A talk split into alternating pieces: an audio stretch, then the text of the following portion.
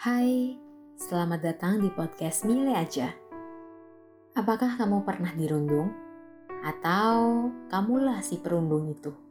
Di episode kali ini, aku akan menceritakan tentang kisahku yang pernah dirundung dan dengan beberapa alasan yang kutemukan tentang kenapa mereka merundungku.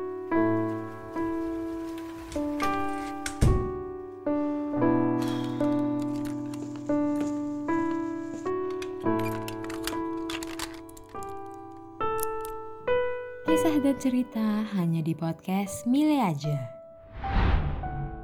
Saat itu aku lagi ngobrol sama rekan kerjaku tentang kisah-kisah di masa SMA. Aku jadi teringat kalau aku itu pernah dirundung. Bahkan mungkin bisa dibilang aku dirundung dari TK. Dulu aku pernah merasa kalau misalkan gak ada yang mau temenan sama aku dan aku seburuk dan serendah itu. Bahkan kalau misalkan aku mengingat memori saat aku TK, aku ingat kalau misalkan ada teman-temanku dalam bentuk geng yang dikepalai satu orang cewek suruh teman-teman satu kelasnya untuk gak mau temenan sama aku. Ya namanya juga anak kecil. Kalau misalkan gak suka sama orang dimusuhin, tapi kalau suka sama orang diajak main. Dan kalau dipikir-pikir sebenarnya masalahnya juga sepele. Tapi pada saat itu aku gak tahu sepelenya karena apa Masalah dibandingkan kah? Masalah cukup gak suka aja kah? Pokoknya aku gak tahu apa-apa di saat itu dan akhirnya aku nangis karena gak punya temen. Aku takut sendirian dan di saat itu aku juga gak terlalu dekat sama kakakku. Orang tuaku sibuk, aku takut ditinggal dan itu gak berhenti pas aku TK. Di SD pun aku juga seperti itu. Saat kelas 5 SD, aku dan satu temanku pernah dimusuhin sampai satu kelas karena temenan sama satu cowok dan aku disuruh duduk sama si satu cowok itu. Satu cowok itu adalah orang yang disuka sama beberapa teman cewek dan mereka dibagi jadi geng. Dan itu jadi kasus di guru-guruku karena bencinya mereka itu sampai buat temenku nangis. Mungkin kalau aku, aku jadi biasa aja karena mungkin aku udah terbiasa kali ya dibenci sama orang-orang. Aku masih nggak tahu sih kenapa mereka benci aku. Aku merasa kayak aku seburuk itu atau segala macam tapi aku udah mulai biasa aja. Dan masalahnya udah clear tapi teman-temanku masih jauh-jauhan gitu tapi ya udah lewat berlalu dan masuk ke SMP dan teman-temanku masih sama dari TK aku dijauhin pas aku SMP karena aku terlalu pendiam dan aku juga dikata-katain juga nggak berani ngelawan juga terus aku dianggapnya caper dan karena aku rajin aku juga dimusuhin aku dibilang caper sama guru-guru tapi ya mau gimana? Pertama dari TK aku nggak punya temen. Jadi nggak ada yang tahu isi hatiku gimana. Yang kedua aku disuruh duduk depan terus. Dan pas duduk depan guru-guru selalu ngajak aku ngobrol. Entah pelajaran lah entah pandanganku lah entah tugas dan yang lain-lain dan otomatis aku jawab dong aku respon dan jadinya aku lebih dekat sama guru-guruku dibandingkan teman-temanku. Dan di situ ya jadi no wonder juga mereka jadi benci aku karena guru-guru lebih mau dengerin aku daripada yang lain. Dan next kasus itu berlanjut ke SMA aku juga dibully dengan kasus yang agak berbeda. Jadi ada satu cowok dia itu ngenuduh fitnah buat caper kayaknya sih karena dia nggak terlalu punya teman juga jadi kayak buat jadi teman main cari bahan gosip dan ya aku nggak tahu sih dia orangnya kayak gimana. Dan menurutku dia pengecut karena dia minta maaf pun juga kagak udah ketahuan salah. Dia malah bilang ke aku buat dia ngechat aku Mil gue udah nggak mau bahas ini lagi gue nggak mau ngeributin ini lagi. Tapi dia ngeributin loh gitu jadi satu masalah itu dia bikin fitnah, bikin satu angkatan gak suka sama aku. Setiap kali aku ke, jadi waktu itu pas SMA aku ada 10A dan 10B dan di saat itu aku di 10A dan 10B itu selalu ngata-ngatain aku di depan maupun di belakang aku. Tapi sebenarnya di kelas 10B itu ada teman-teman kelasku yang temenan sama 10B itu tapi karena dia satu kelas sama aku dia diem dan akhirnya ada beberapa orang yang bantuin aku buat clearin masalah dan waktu itu masalahnya juga ketahuan sama guru agama aku dikelirin dan ketahuan kalau dia itu ngefitnah. Dan sejak itu satu angkatan gak percaya sama omongan dia dan satu angkatan jadi segan sama aku. Dan aku juga nggak mau kok temenan sama mereka biarin aja segan-seganan sampai lulus. Dan di situ aku jadi punya trauma atas pertemanan. Pertemananku buruk dan orang-orang bilang kalau misalkan masa-masa SMA itu adalah masa-masa yang paling indah tapi menurutku enggak sama sekali ya walaupun akhirnya untuk mewaraskan aku untuk menjaga keseimbangan dan menghindari pemikiran atas aku dibenci sama teman-teman aku, aku berfokusnya sama nilai akademik, belajar sama organisasi.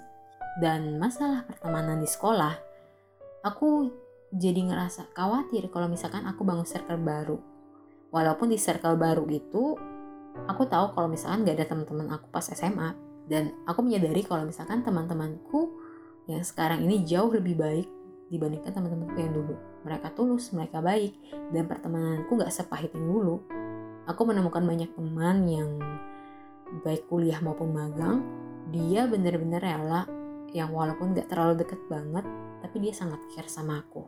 Ya walaupun juga akhirnya juga temenan juga cocok-cocokan ya. Aku bisa sama A buat belajar, tapi aku bisa sama B buat santai-santai, aku bisa sama C buat jalan-jalan kayak gitu-gitu.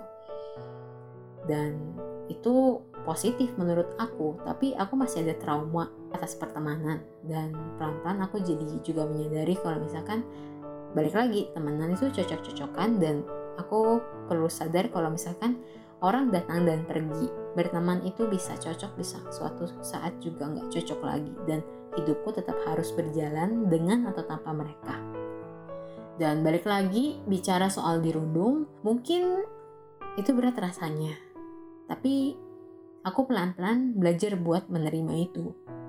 Dan kurang lebih saat ini aku menjadi jauh lebih baik, traumaku berkurang dan aku masih mau menjalani hubungan dengan teman-temanku yang dulu yang pernah ngerundungku dan kami berteman cukup oke okay, walaupun gak deket.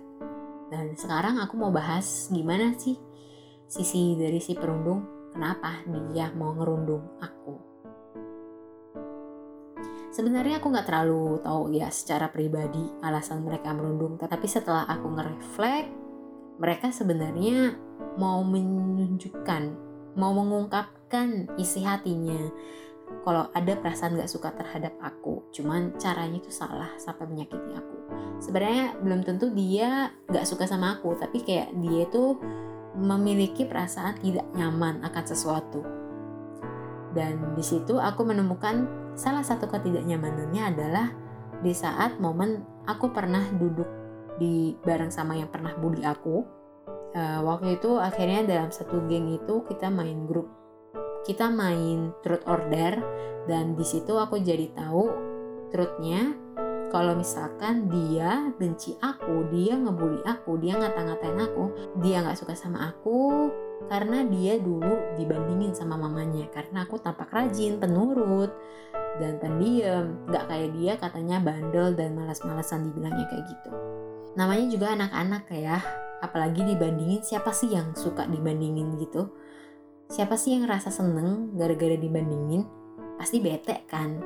Bete ke orang tuanya dan pasti bete sama orang yang lebih baik dibandingkan dia. Dan nggak mungkin kan dia malah ngata-ngatain orang tuanya nggak mungkin kan? Kayak merundung mereka kan nggak mungkin. Dibilangnya kurang ajar kali. Jadi dia memutuskan untuk ngerundung orang yang membuat dia jadi terlihat jelek dan ketidaksukaan itulah yang akhirnya berimbas ke diriku dan aku jadi korban bullying. Sebenarnya dari situ aku jadi ingat kalau misalkan aku nggak bisa sepenuhnya nyalahin teman-teman aku.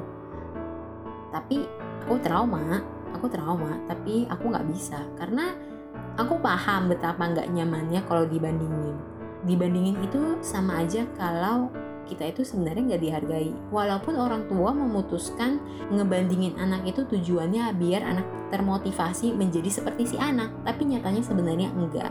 Itu sebenarnya ada peran orang tua juga sih yang salah gitu. Cuman mungkin orang tua ya namanya juga orang tua gitu.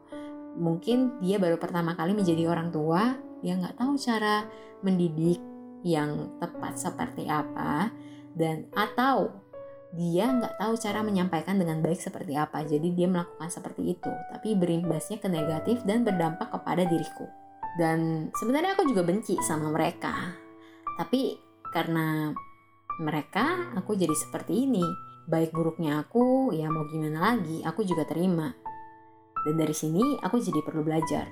Kalau misalkan aku gimana cara nyembuhin kekhawatiranku, gimana nyembuhin ketakutanku sama lingkungan baru. Dan ini nggak mudah, tapi di sini aku jadi memahami step by step bagaimana orang lain mengungkapkan perasaan, bagaimana orang lain berkomunikasi, bagaimana perasaannya seperti apa, bagaimana mencocokkannya, bagaimana beradaptasi, dan yang paling penting aku jadi belajar gimana untuk menerima diri dan lambat laun aku bisa walaupun masih jauh perjalananku. Dan aku jadi percaya juga setiap orang kalau bertindak pasti ada alasannya. Tindakan mereka mungkin bisa membahagiakan atau bisa menyakitkan kita. Tapi kita juga nggak bisa mencegah mereka berbuat, tapi kita bisa loh mencegah hal tersebut menyakiti buat kita atau enggak. Kita bisa mencegah perasaan menyakitkan itu, kita bisa melepas rasa sakit itu, dan kita bisa memilih untuk bahagia. Semoga episode kali ini bisa menyadarkan kamu yang dirundung kalau misalkan kamu itu nggak salah, kamu itu nggak rendah, kamu itu berharga, dan kamu hanyalah korban namun kamu jangan sampai membenci orang yang pernah merundung kamu ya. Karena mereka juga manusia. Mereka juga punya masalah dan pernah melakukan kesalahan. Dan kesalahan mereka jangan membuat kamu berhenti untuk maju. Kamu berhak berkembang, kamu berhak bahagia. Dan untuk kamu yang pernah menjadi perundung, ketahuilah bahwa apa yang kamu lakukan sebenarnya bisa menyakiti orang lain Aku tahu kalau misalkan kamu itu terluka karena ada hal yang membuat kamu sakit hati. Tapi si orang itu yang kamu rundung, dia tuh gak salah apa-apa. Dan kamu bisa bahagia, tapi tidak dengan menyakitinya. Semoga ini bisa membuat kamu menjadi lebih baik ya. Demikian podcast Nilai Aja kali ini. Sampai jumpa di episode selanjutnya.